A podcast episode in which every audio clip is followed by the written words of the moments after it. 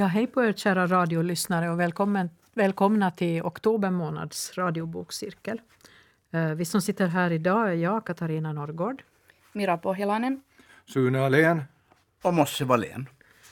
Och idag så ska vi prata om en relativt nyutgiven bok, åtminstone nyutgiven på svenska. Nämligen Valérie Perrins Färskt vatten till blommorna. Och eftersom det är Mira som har valt boken den här gången så får hon berätta lite om boken och författaren. Varsågod. Ja, tack Katarina. Uh, och jag kan väl först berätta lite om författarinnan själv som som sagt heter Valérie Perrin.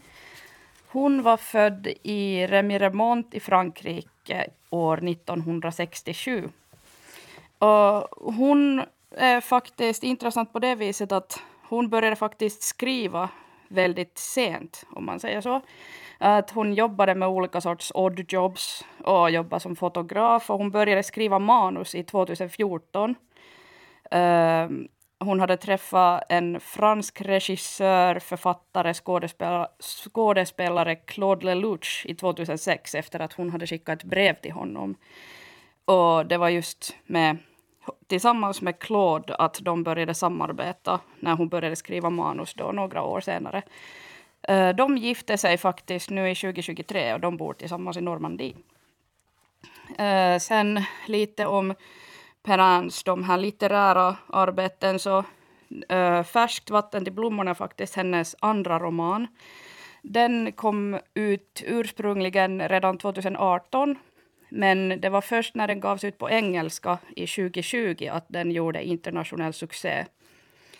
Och hennes debutroman som hade ursprungligen kommit ut på franska 2015, så den, den gavs ut nu i 2023 på engelska. Uh, och den heter Forgotten on Sunday. Vad jag vet så har den fortfarande inte, inte i dagens läge så har inte getts ut på svenska. Och sen har hon skrivit även en tredje roman som passligt heter Toi. Och den kom ut i 2021 och har även släppts i engelska nu i 2023 och heter också Three, alltså tre på engelska. Um, och den här boken som vi ska prata om idag, så den har översatts till över 30 språk. Färskt vatten till blommorna alltså. Och bland annat så var den årets mest sålda bok i Italien året 2021. Och vad den här boken handlar om så det handlar om en kvinna som heter Violette Toussaint som lever ett stillsamt liv som kyrkogårdsväktare i en liten by i Bourgogne eller jag ber om ursäkt, jag är jättedålig på att uttala franska, så om någon annan kan uttala det här områdets namn så får ni ta det. Och det är egentligen eh, hennes livshistoria och vad hon gör där på kyrkogården och alla de här besökare och invånare och katter och hundar som vistas där hos henne. Och får vi veta om hennes förflutna och varför hon kom dit. Och allt det här börjar ju med att hon får besök av en poliskommissarie som har ett väldigt, väldigt ovanligt ärende. På grund av att hans avlidna mor har önskat att få bli begravd just på denna kyrkogård som är långt borta där hon bodde. Mm. Ja, eh, det var ju lite intressant val av bok. Den här har ju varit väldigt omtalad. Det är många som har pratat om den här. Det är mm, säkert många också som har funderat oj den där borde man kanske läsa. När den hörs så mycket om, talas så mycket om den. Och, och det här... Eh, eh, lite svårt att placera exakt vad den är för genre men det spelar väl ingen roll. Det är en roman, det är en bok, det är fiktion. Säkert in, lite invecklat med, med, med verklighet ibland men eh, det finns ett mysterium i den som, som gör att vi kanske inte ska avslöja för mycket om vissa små detaljer i den, men för det, det ska man läsa själv. Men eh, jag skulle säga att det här är en ganska typiskt fransk bok egentligen.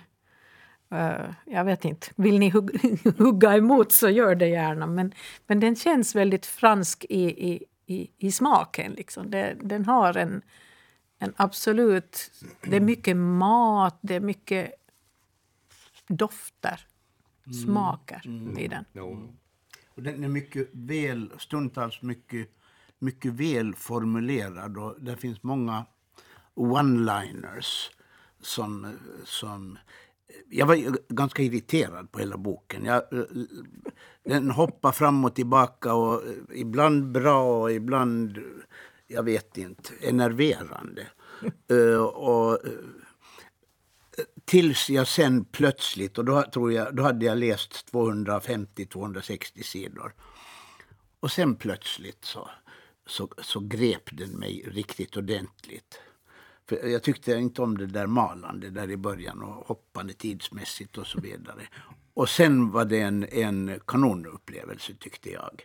F får jag läsa en liten bit där var jag blev fast? Absolut. Uh, uh, för det är bara en... det är några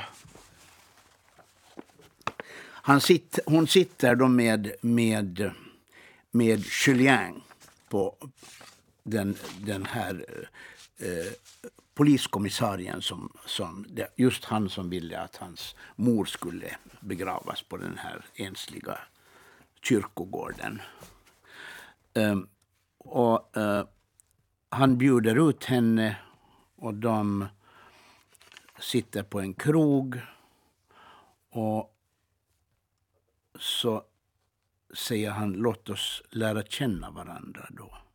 Och då säger hon, jag tror att jag behöver någonting att dricka. Jag tömmer glaset han nyss hällt upp åt mig i ett enda svep. Vanligen dricker jag bara små mängder, men nu är det omöjligt. Dessutom, det där sättet ni har att se på mig jag vet aldrig om ni vill arrestera mig eller gifta er med mig. Och där var jag fast. Men där finns ju en intressant fortsättning på det, för jag, har, jag, jag håller med dig Mosse. Jo. Om du läser en mening till där. Ja, han svar... brister ut i skratt. Gifta sig eller arrestera någon, det går väl på ett ut. Ja. Oh, ja. Så där, eh, där eh, fastnade jag i den här boken och sen tyckte jag att, att Eh, sen brydde jag mig inte om att det hoppade lite och så här. Och jag, nej, jag var eh, inne och jag var... Eh, det handlade om vemod och förluster och det finns hopp och det finns kärlek och det är svårt att älska men ja, den stora, stora, stora sorgen och där finns allt. Som mm. eh, en som man kan eh, kräva av en bok eller av ett liv. Ja, den, den har... Så jag, jag satt och funderade på det också för, för det här. Jag tänker liksom just det som jag sa i början att, att den är en väldigt fransk bok. Eh, och då måste jag ju säga att författ, för den här översättaren har ju nog haft ett hästjobb, minst sagt. För att försöka få, få i den här känslan översatt till svenska kan inte ha varit det lättaste. kan jag tänka mig. Men den är väldigt, alltså på svenska så den är väldigt, det är väldigt väl formulerat, det är vackert språk. Det blir lite tjatigt ibland men jag tror att det, det är liksom originalförfattarens fel. Jag tröttnar lite ibland på de här dagboksanteckningarna måste jag erkänna. Men, men de hör ju ihop med historien, de är viktiga för, för själva berättelsen. Så jag kämpar mig igenom det, men ibland blir jag lite så att men snälla människa, sluta nu med det här tragglande. Gå, gå, gå, far iväg, lämna din man, gör någonting. ja. Det var kanske... Ursäkta. Nej, fortsätt gärna. Det var kanske något som, som jag lite störde mig på just var det där att det var väldigt få så att säga goda människor i den här boken. Att just det där att det kändes som att okej, okay, finns det ett enda äktenskap eller relation i den här romanen som faktiskt är fungerande och där, där någon av parterna inte vänstrar eller beter sig dåligt eller är våldsam. Att ibland kändes det som att, och nu ska ni inte liksom missfatta mig. Jag tycker om att läsa böcker, deckare, där det är liksom grymma grejer och elände och folk lider och det är sorg och förluster och allt det här. Men det, det kändes ibland som för mycket. Ja, det, I vissa ställen så det kändes väldigt sådär overkligt. Att inte kan det finnas så här många människor som alla är så här dåliga mot sina medmänniskor. Men samtidigt så fanns det till exempel han här mannen som hette Sasha som var kyrkogårdsväktaren innan hon där Violette tog över. Och han, tyckte, han var kanske min favoritkaraktär i boken faktiskt. Att, den, att honom, honom tyckte jag att läsa om och jag skulle kanske läsa en till roman av henne om hon skrev en bok bara om han här Sasha. Om Sasha och hans Indienresa. Jo. jo, det, jag håller nog lite med. Han, jag tyckte också väldigt mycket om honom. Han var, han var ju verkligen sympatisk. Kanske inte hundra procent han heller, men, men, men han hade ändå... Och sen de här gravgård, de här alltså dödgrävarna var ju väldigt charmiga. De var liksom tre stycken och, och på något vis ett kollektiv. Mm. Fast de var väldigt olika. En sjunger bara Elvis hela tiden och, och en är så klumpig så han ramlar ner i gravar. Och, och ja. Men så där lite, eh, ja, vad ska jag säga, lite comic relief brukar man kalla det. Men eh, de var också en, en sån här sak som lite lättade upp det här läsandet när man fick läsa om någon och Elvis. Och, ja. Mm. ja kanske ska komma med någonting, om vi tar det lite så här översiktsmässigt i början, man kan gå in på detaljer hur mycket som helst här. Jag instämmer nog väldigt mycket i den här beskrivningen av att det blev lite rörigt, så jag till och med måste gå tillbaka och titta, vem är det där nu? Och kanske inte beror på författaren, det kan också bero på läsaren förstås. Så man ska nog inte ha så mycket synpunkter på detta, men, men det blev och det tog ungefär, jag har, jag har inte så där strukturerat som Mosse att jag kan direkt säga vilken sida det blev så att jag fastnade den ordentligt, men den är någonstans där ungefär i mitten på boken. Den är ganska omfattande den här, långt över 400 sidor. Men det kändes inte riktigt så. Det är i alla fall 200 sidor färre än Knausgård. Så som, det, som jag hörde, att, eller vi, vi diskuterade att det var rätt mycket. Men det, det, två saker som gjorde att den blev ganska snabbläst för mig. Och det första är att det är korta, ganska korta kapitel. Mm. Det blir såna, vissa är längre nog naturligtvis, men, sen, men i, i regel så är det ganska korta kapitel. Liksom. Det, och det är väl kanske det som gör också att den här hoppandet blir lite irriterande. Att det plötsligt kommer ett nytt kapitel och det fortsätter inte där det förra slutade, utan det, det är en tillbakablick då till 1900, eh, ja, 1990-talet och så kommer det igen nu, nutid och till och med ännu längre bakåt. Ja, det är det ena. Och det andra är att, och det gillar jag väldigt mycket, och det är hennes, jag förmodar att det måste vara de här lite poetiska inledningarna på varje kapitel. Så här ganska korta, som på något sätt ska beskriva vad kapitlet handlar om. Det, det, är inte kapitel 1 och 2, jo det, det är siffror, det är 63 och så vidare, men sen finns det en liten sån här filosofisk eh, beskrivning då. Så till exempel ett kapitel här, jag tar nog bara ett exempel. Så en faders frånvaro förstärker minnet av hans närvaro. Och jag gillar såna här mm. ord, inte vrängningar men att man är lite tillspetsat. Och det här, inte blev jag fundera på vad kommer det här kapitlet att handla om nu, men att det, bara man läste det där så blev det plötsligt liksom en sån här inledning till vad som komma skall kanske. Mm. Men i övrigt så ser jag nog det, det är huvudpersonen, det är hon, Violette. Hennes livsöde från mm. tonår faktiskt och framåt och tillbakablick över ett mycket trasigt, trasig uppväxt, kan man säga. Sen började jag fundera, är det en kärleksroman? Mm. Det, är, det är väldigt mycket bottnar i kärlek och längtan efter och sviken och våga och så vidare. Med ett personporträtt, så vad man nu sätter in för rubrik på själva boken, det låter jag nog sen ni läsare, som jag hoppas att ni faktiskt tar, er, tar till er den här boken. Om inte ni redan har gjort det. Ja, jag kan stanna där. Det finns saker som säkert behöver sägas. När jag har suttit och läst den och, och så har man träffat folk så här, man har suttit på något, kanske på något tåg eller en båt och så vidare. Så, så har jag eh, tre gånger så hade kommit kvinnor och sagt Va? Läser du den där? Det är ju en riktig kvinnobok. Och eh, jag blev så förvånad. Ja, ja, men inte vet jag nu. Och sen har jag nu blivit, jag har nog inte frågat dess vidare varför det skulle vara en utpräglad kvinnobok. Vad säger ni? Jag, jag tycker nämligen uh, lite, jag skulle kalla det en, jag vet inte, en människobok. Mm. Mera. Men, men uh, ser ni det som en kvinnobok? Efter vi kan hålla kvar den här som männen här nu då. Sånt här. Men, nej, jag har faktiskt inte, jag har inte pratat med så mycket män fjol, en del som har läst den här, men det där har jag aldrig nämnt. Nej. Okay. Jag, jag tänkte faktiskt inte på det heller, att det skulle vara en kvinnobok. Det handlar om en kvinna. Ja. Men män också. Ja. Alltså då människor. Så det där nog... Men nu blir jag lite och funderar. Vad, vad, vad, vad är en kvinnobok? Ja. Ja, säg det. Nej, men typisk kvinnobok, sa de. En typisk kvinnobok. Ja.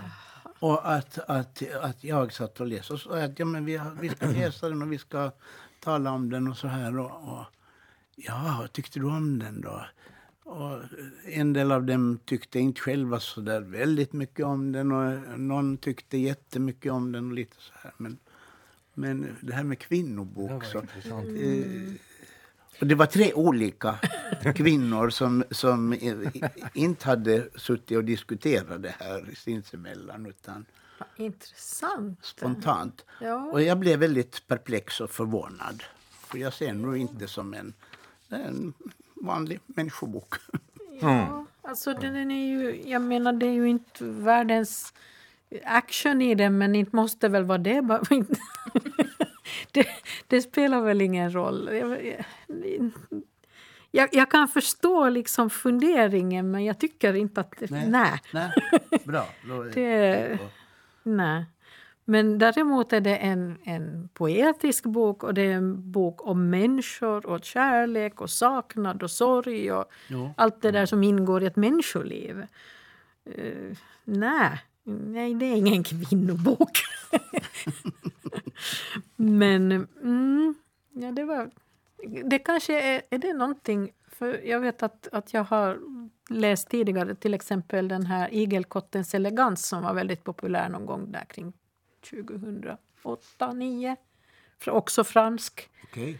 Och, och, och det var en sån här, så, så det här, ja men det är en sån här kvinnfolksbok det också. Så det är liksom, det är många av mina vänner som har lånat den av mig och läst den men det är bara kvinnor som har velat låna den och läsa den. Okej. Inga män. Inga, nej. Nej. Det var inte en sån bok tydligen. Nej. Jag Så, tänkte man kan väl få någon statistik på det där, men det håller ju inte heller, slår det mig.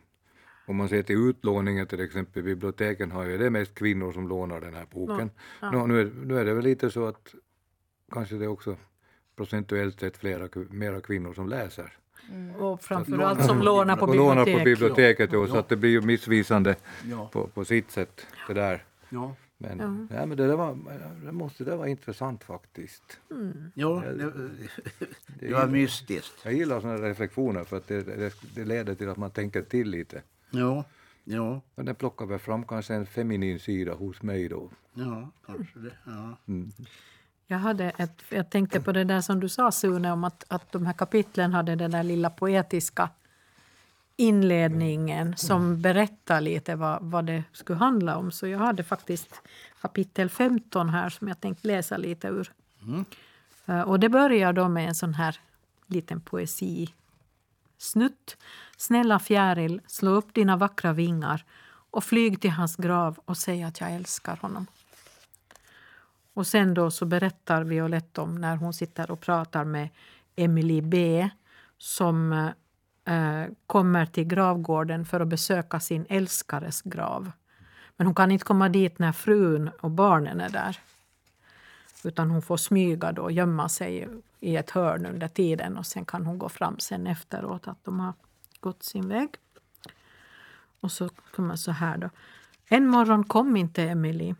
Jag trodde att hon sörjt färdigt, för oftast har man till sist sörjt färdigt. Tiden repar upp sorgen, hur ofantlig den än är. Utom sorgen hos en mor eller far som har förlorat sitt barn. Jag misstog mig. Emily B sörjde aldrig färdigt. Hon återvände till min kyrkogård mellan fyra plankor, omgiven av de sina. Jag tror att ingen någonsin visste att Laurent och hon älskade varandra.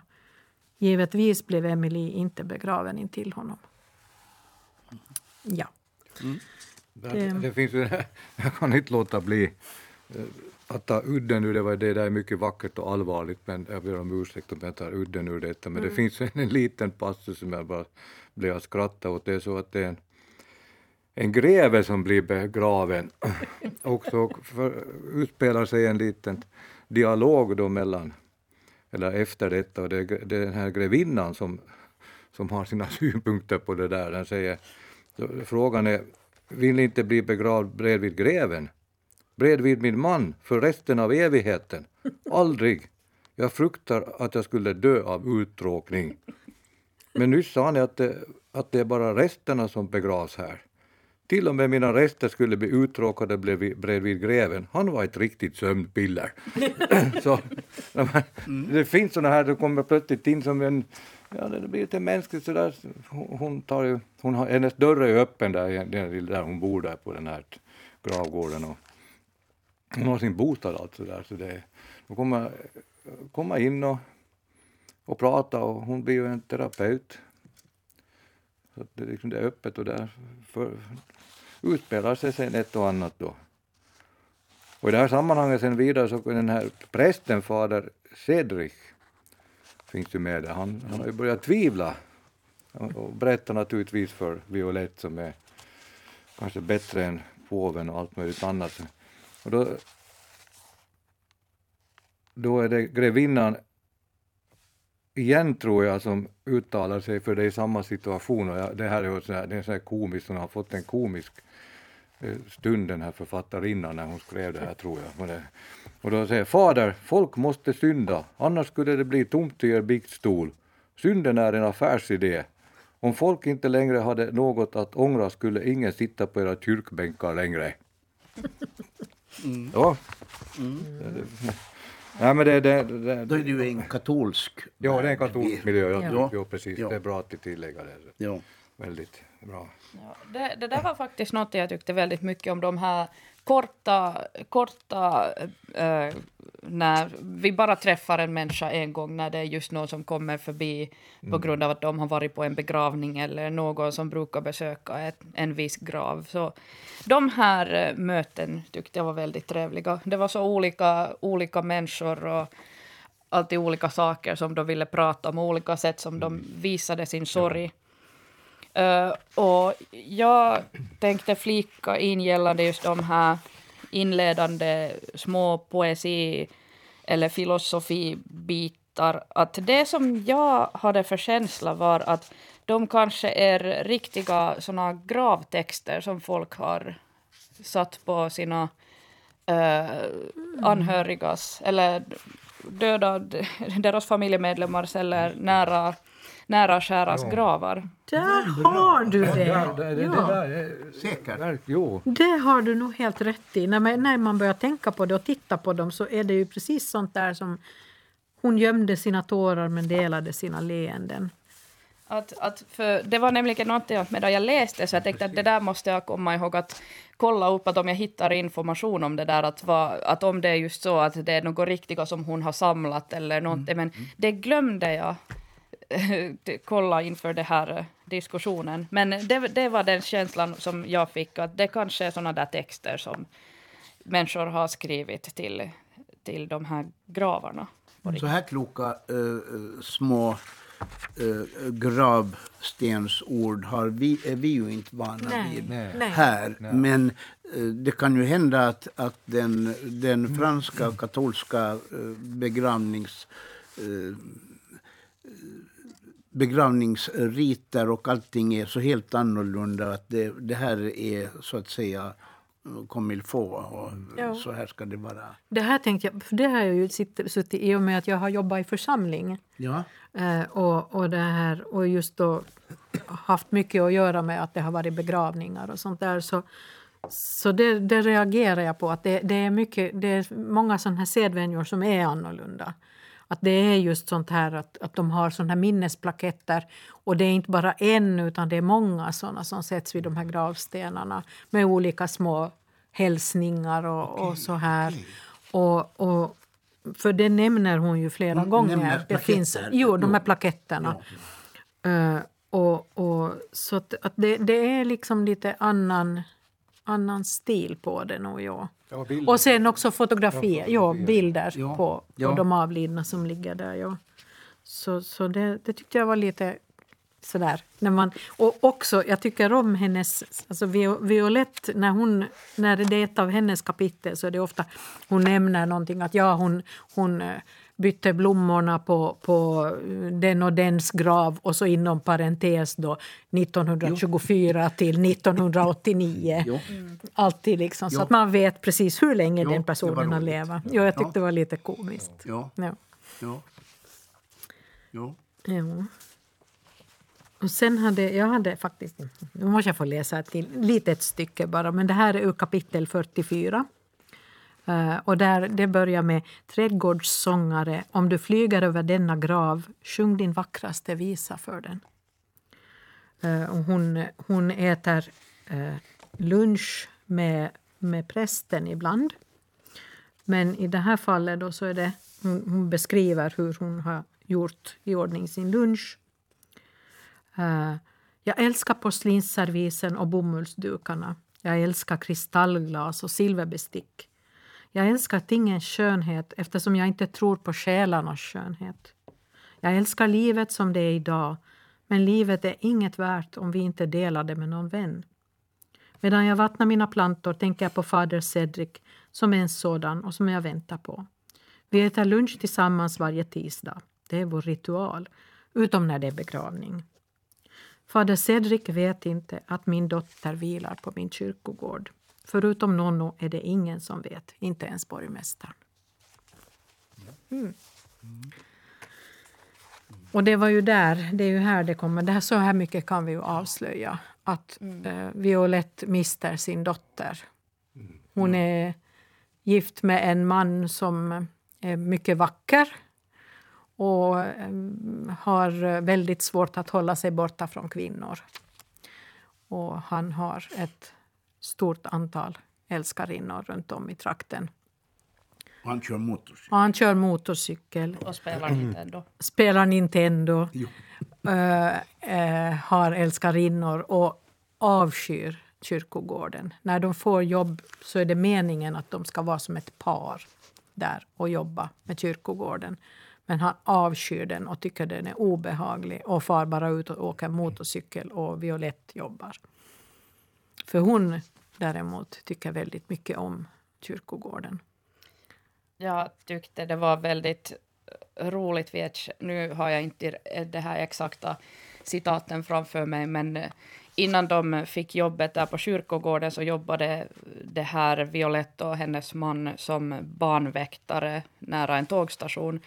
Och sen vid något skede när det är en av hennes, det här mans kapitel, så där beskriver han, eller det skrivs från hans synvinkel på något sätt så här att så otroligt att jag måste jobba två dagar den här veckan. Att det, eller att han kan inte tro att han måste jobba två dagar den här veckan på grund av att är det nu att frun är någonstans och sköter någonting. Så där, det beskrev, tyckte jag, väldigt bra hans det här livsfilosofi. Att om han måste jobba två dagar på en vecka så då är det någonting som är fel.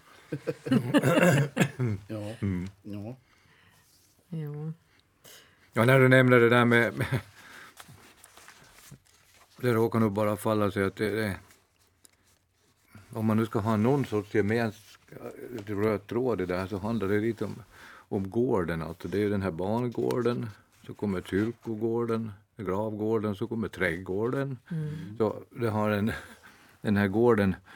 Det har förvånat mig lite också att vi har haft rätt många böcker som vi har pratat om där trädgården har varit ett ganska centralt tema under den här Mm. tiden som jag har varit med. Vi tar den här ukrainska, Mm. vad heter den, Röda sirener. Ja. Och eh, sen har det, den hade varit också i andra. Så det här, det här med trädgården är tydligen ett väldigt, det är liksom inne nu Mm. på något sätt.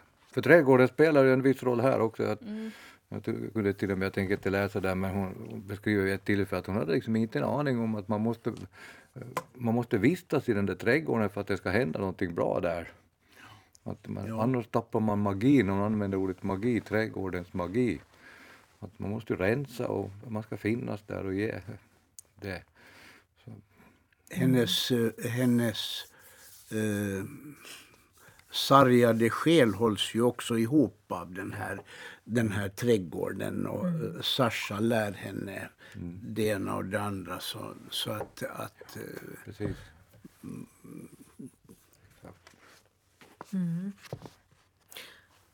Jo, den, alltså det måste jag säga, för när man är, ty, tycker om det där med trädgård, jag kan inte påstå att jag har gröna fingrar, det har ju däremot Violett.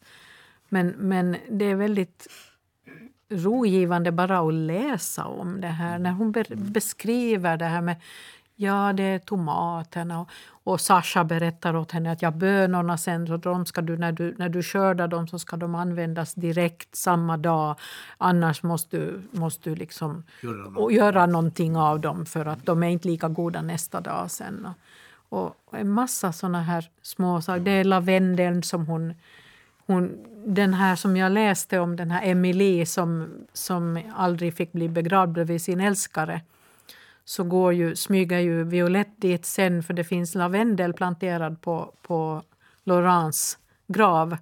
Och så klipper hon några skott av lavendeln och planterar dem på Emelies grav så att de får dela blommorna. Och jag tyckte det var så vackert. Då satt jag och bara Jaha, okej, det här var jättefint. ja, ja.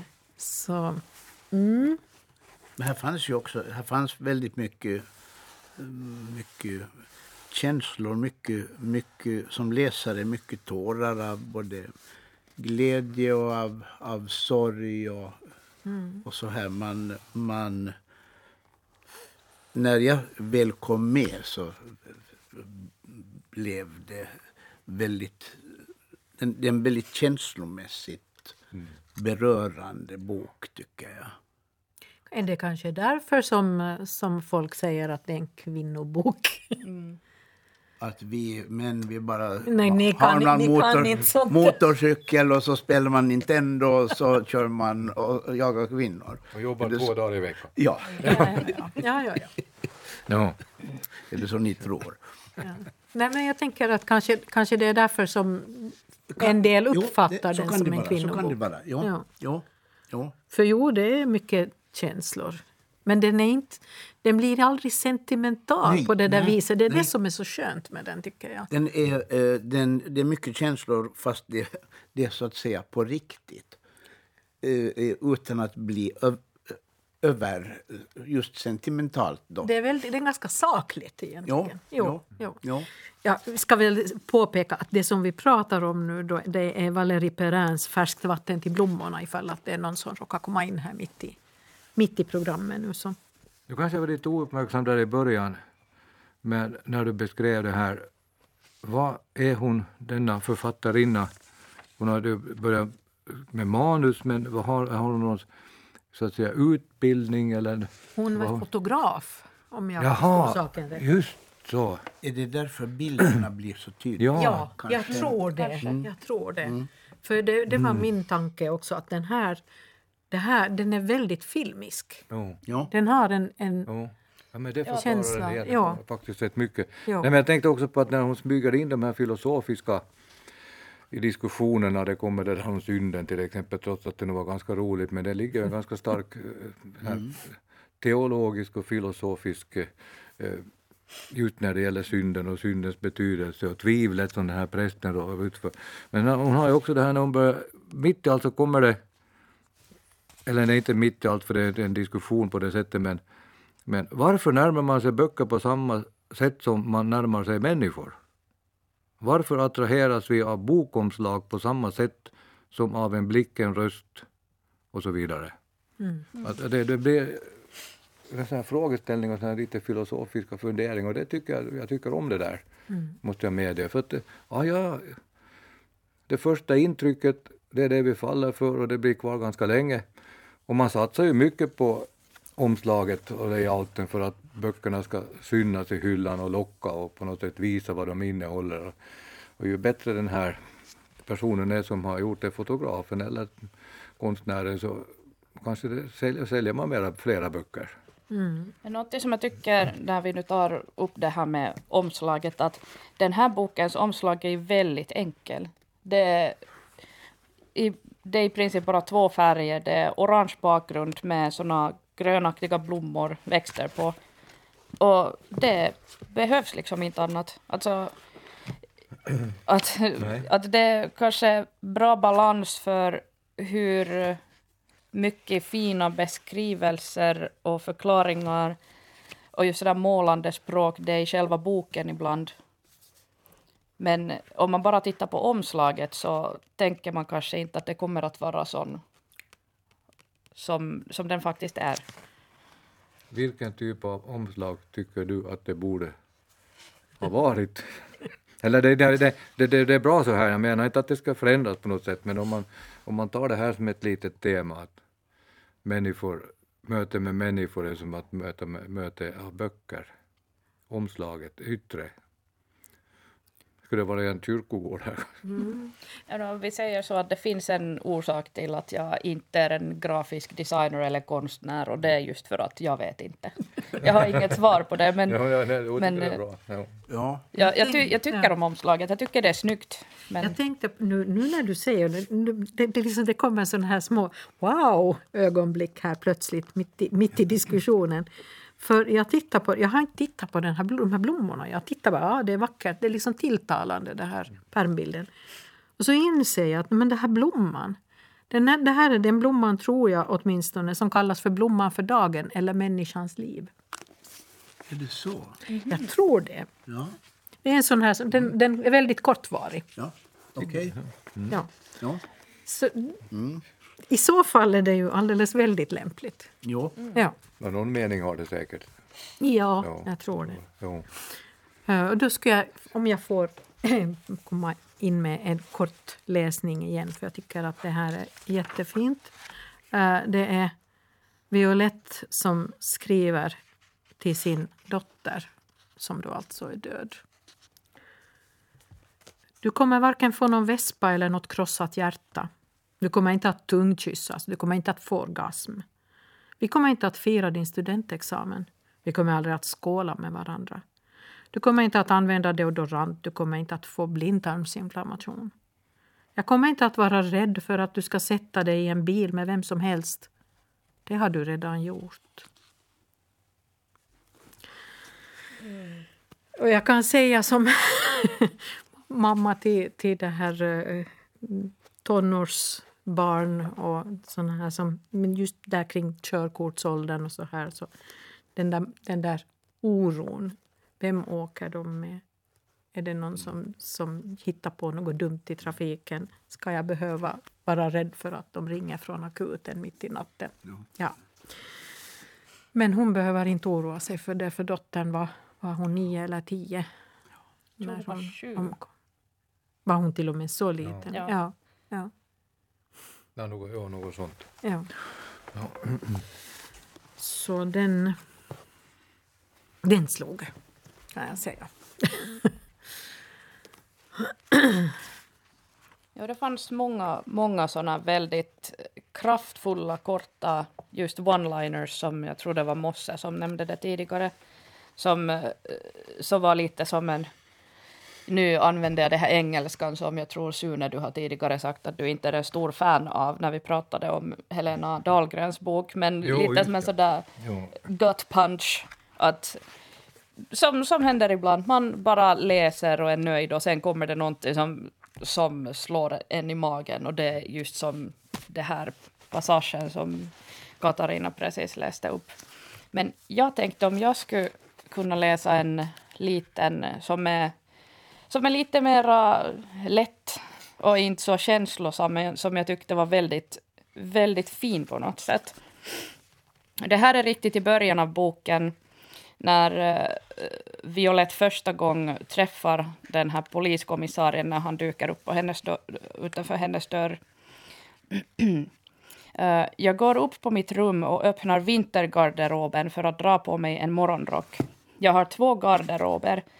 En som jag kallar vinter, den andra sommar. Det har ingenting med årstiden att göra, utan med omständigheterna. Vintergarderoben innehåller bara klassiska och mörka kläder. Den är till för andra. Sommargarderoben innehåller bara ljusa och färgglada kläder. Den är till för mig. Jag bär sommar under vintern och slänger av mig vintern när jag är ensam. Mm. Alltså den, den tyckte jag var väldigt så här ett fint sätt att beskriva en så enkel sak som ens garderob. Mm. Mm. Mm. Ja. Författaren är fransyska. det, ja. det är uppenbart ibland. Det är sån här intressanta... Hon har, det, det, tycker jag också så här annars med, med den här Violette. Hon är ju väldigt... Hon har ju haft ett, en tuff uppväxt i fosterhem och, och och sen är hon väldigt ung. Hon har inte ens fyllt 18 när hon träffar sin Philippe Toussaint, den där snygga skitstöveln på motorcykel. Och, och blir hastigt gravid sen och, och, och därifrån far det iväg. Men, men jag tycker för, för många gånger så...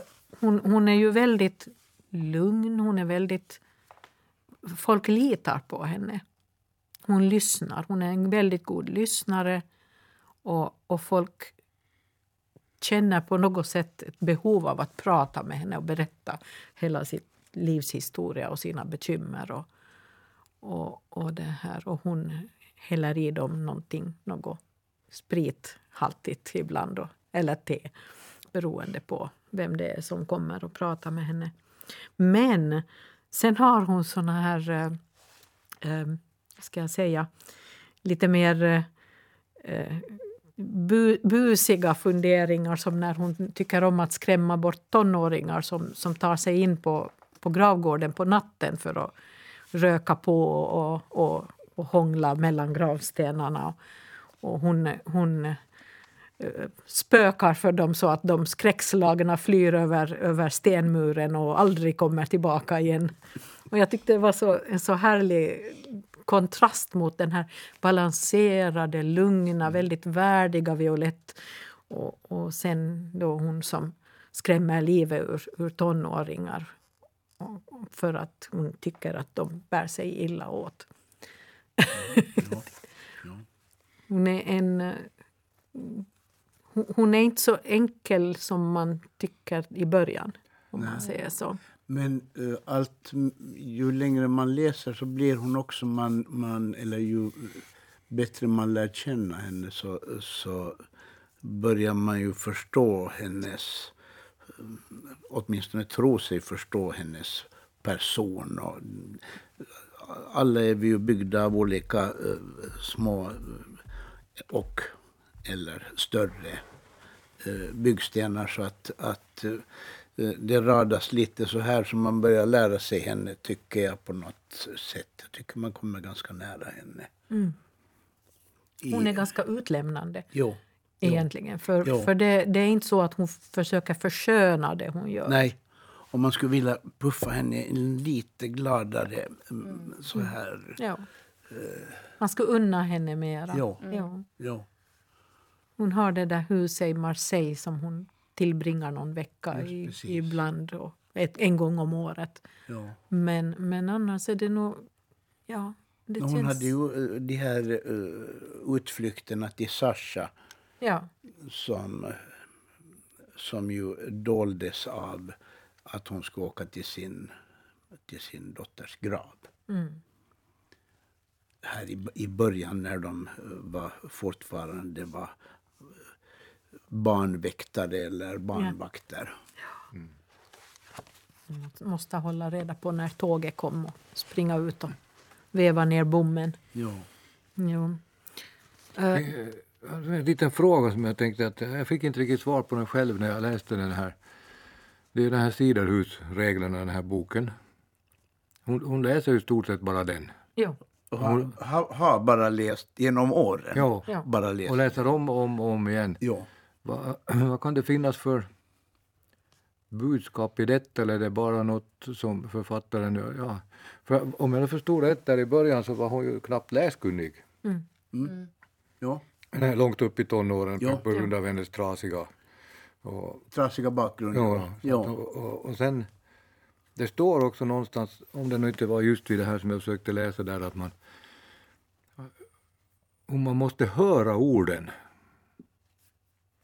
Det, det, har något minne av det, ni pratar på så ska jag försöka leta fram det. Jag tyckte det var ganska intressant.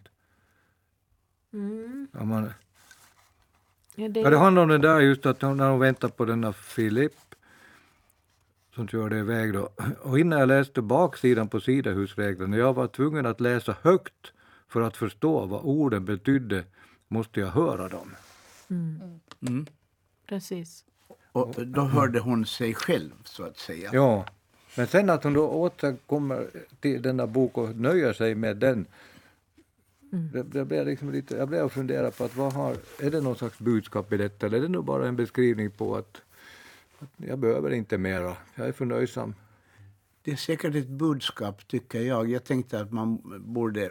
Jag kommer ju inte ihåg riktigt vad den handlar om. Men jag tyckte... va- Fanns där inte en massa filosoferande? Eller, eh, jag kan, jag kan vara ute och cykla nu. Eh, Men man borde kanske gå hem och... Kanske man eh, ser den här boken, eller henne och boken i ett annat sken. Ett lite annat sken. Om man läser Siderhusreglerna.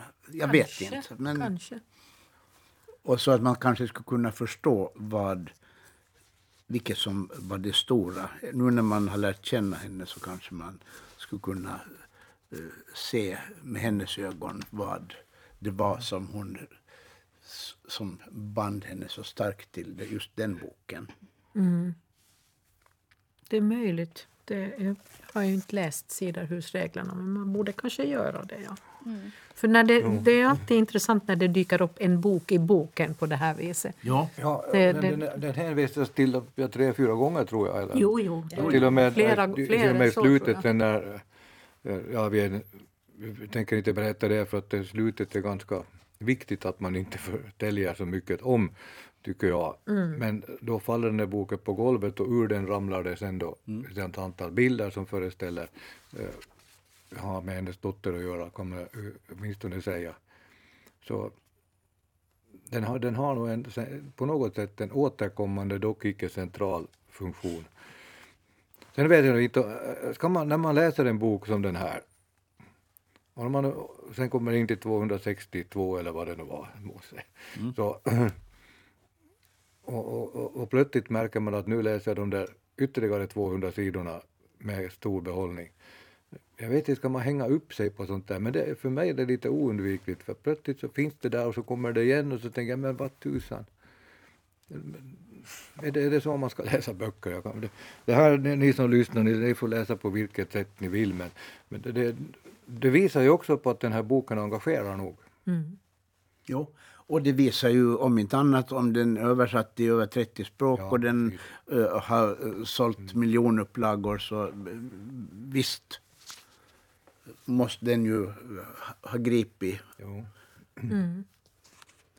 Eh, Det kommer jag ihåg att nu kommer jag inte ihåg vad karaktären i Sidehusreglerna heter och vem i den här boken jämförde hon med den karaktären. Men det kommer jag ihåg att det var någon i hennes liv som hon jämförde med just någon viktig snäll karaktär i Sidehusreglerna. Att kan, kanske det var Sasha eller sen var det det här prästen Cedric eller det var någon, någon annan som jag vill minnas att var en sådär bra person. Och den, den eh, liknelsen gjorde han ett, hon ett par gånger. Att, men jag kan inte komma ihåg vad det här sidahusreglerna karaktären hette. Mm. Så det kan, kan nog hända att det finns mera, mera betydelse där än att författarinnan älskar sidahusreglerna och vill bara liksom marknadsföra den eh, så många gånger hon kan. Att det skulle vara intressant att veta att i och med att eh, att den här boken har blivit så populär så har folk läst sidahusreglerna också. Ja. Nu ja, att, den är ju inte alldeles ny den i alla fall. Nej, nej, nej. nej. Och de som har läst den och som jag då och tyckte om den så uh, kanske tycker att man borde läsa om den för att man har glömt vad det egentligen ja. vad det egentligen handlar om. Jag hade en, en, en det här är lite kul och den är inte, den är inte så eh, den är kanske lite elak. Det, det handlar om en av, av, eh, av hennes mans eh, kvinnor, en av de kvinnor som han riktigt har förnedrat. Mm. Hon heter Genevieve Magnan. Och hon säger, hon, hon ska hålla i någonting och där kommer en massa flickor åkande och så, som är i 6, 7, 8 års åldern. Och så känner hon igen en. Han, hon ser ut precis som sin far. Som det svin som har, som har eh, förnedrat henne. Och hon blir så till sig så hon vet inte riktigt vad hon ska göra. Så hon sätter sig ner och dricker ett glas vatten. Och så säger hon så här. Och det är, väldigt, det är kanske det fulaste som står i hela den här boken. I det ögonblicket förstod jag att djävulen fanns. Jag har alltid vetat att Gud är ett påhitt för dumskallar, men inte djävulen.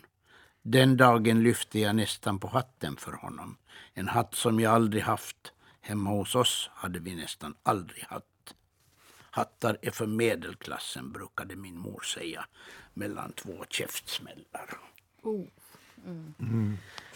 Ja. Jo, just Uh, uh, och det här är grovt, tycker jag. Mm.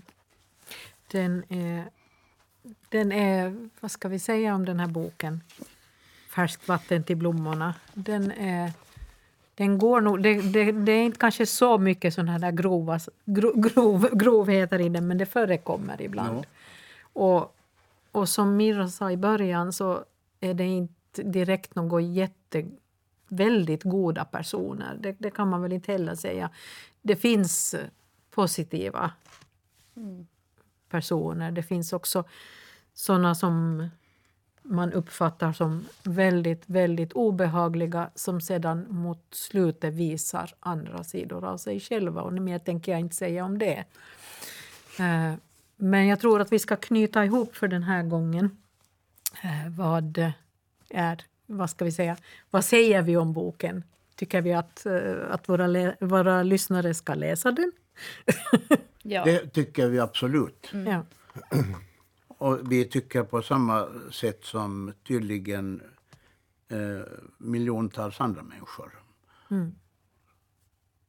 tycker att det här är en mycket läsvärd, läsvärd men, bok. Men jag skulle, jag skulle ge som råd till den som tänker läsa den här att ta med sig lite något snacks och kanske en kopp te för man kommer bli hungrig och törstig medan man läser den här. Det var så, alltså jag är inte ens en stor tedrickare, men när jag läste vissa passager i den här boken så tänkte jag att men herregud, jag vill dricka det där Sashas utsökta jasminte till små klunkar, precis som hon gör, jo. Så. Och koka pasta och ja. ja. det är väldigt mycket sånt. Får jag läsa vad han sa? Vad, ja. Sasha sa om tepåsar. Han, var ju, han lagade ju teet själv. Han sa så här. Eh, tepåsar, det är porös plast som sitter på en vulgär tråd. Det är vår civilisations skam. Och det vågar kalla det framsteg. Mm, ja, det kommer ihåg det. Ja, ja. Då, då, det får bli ja. avslutningen för den här gången. Och tack till alla som har orkat lyssna. Eh, vi som sitter här idag, det är jag, Katarina Norrgård. Jag, Mosse Wallén. Och Sune Alén. Och Mira Pohjalainen. Och eh, det här, till I november återvänder vi igen och då får vi se vad det är för bok vi pratar om den gången. Hej så länge!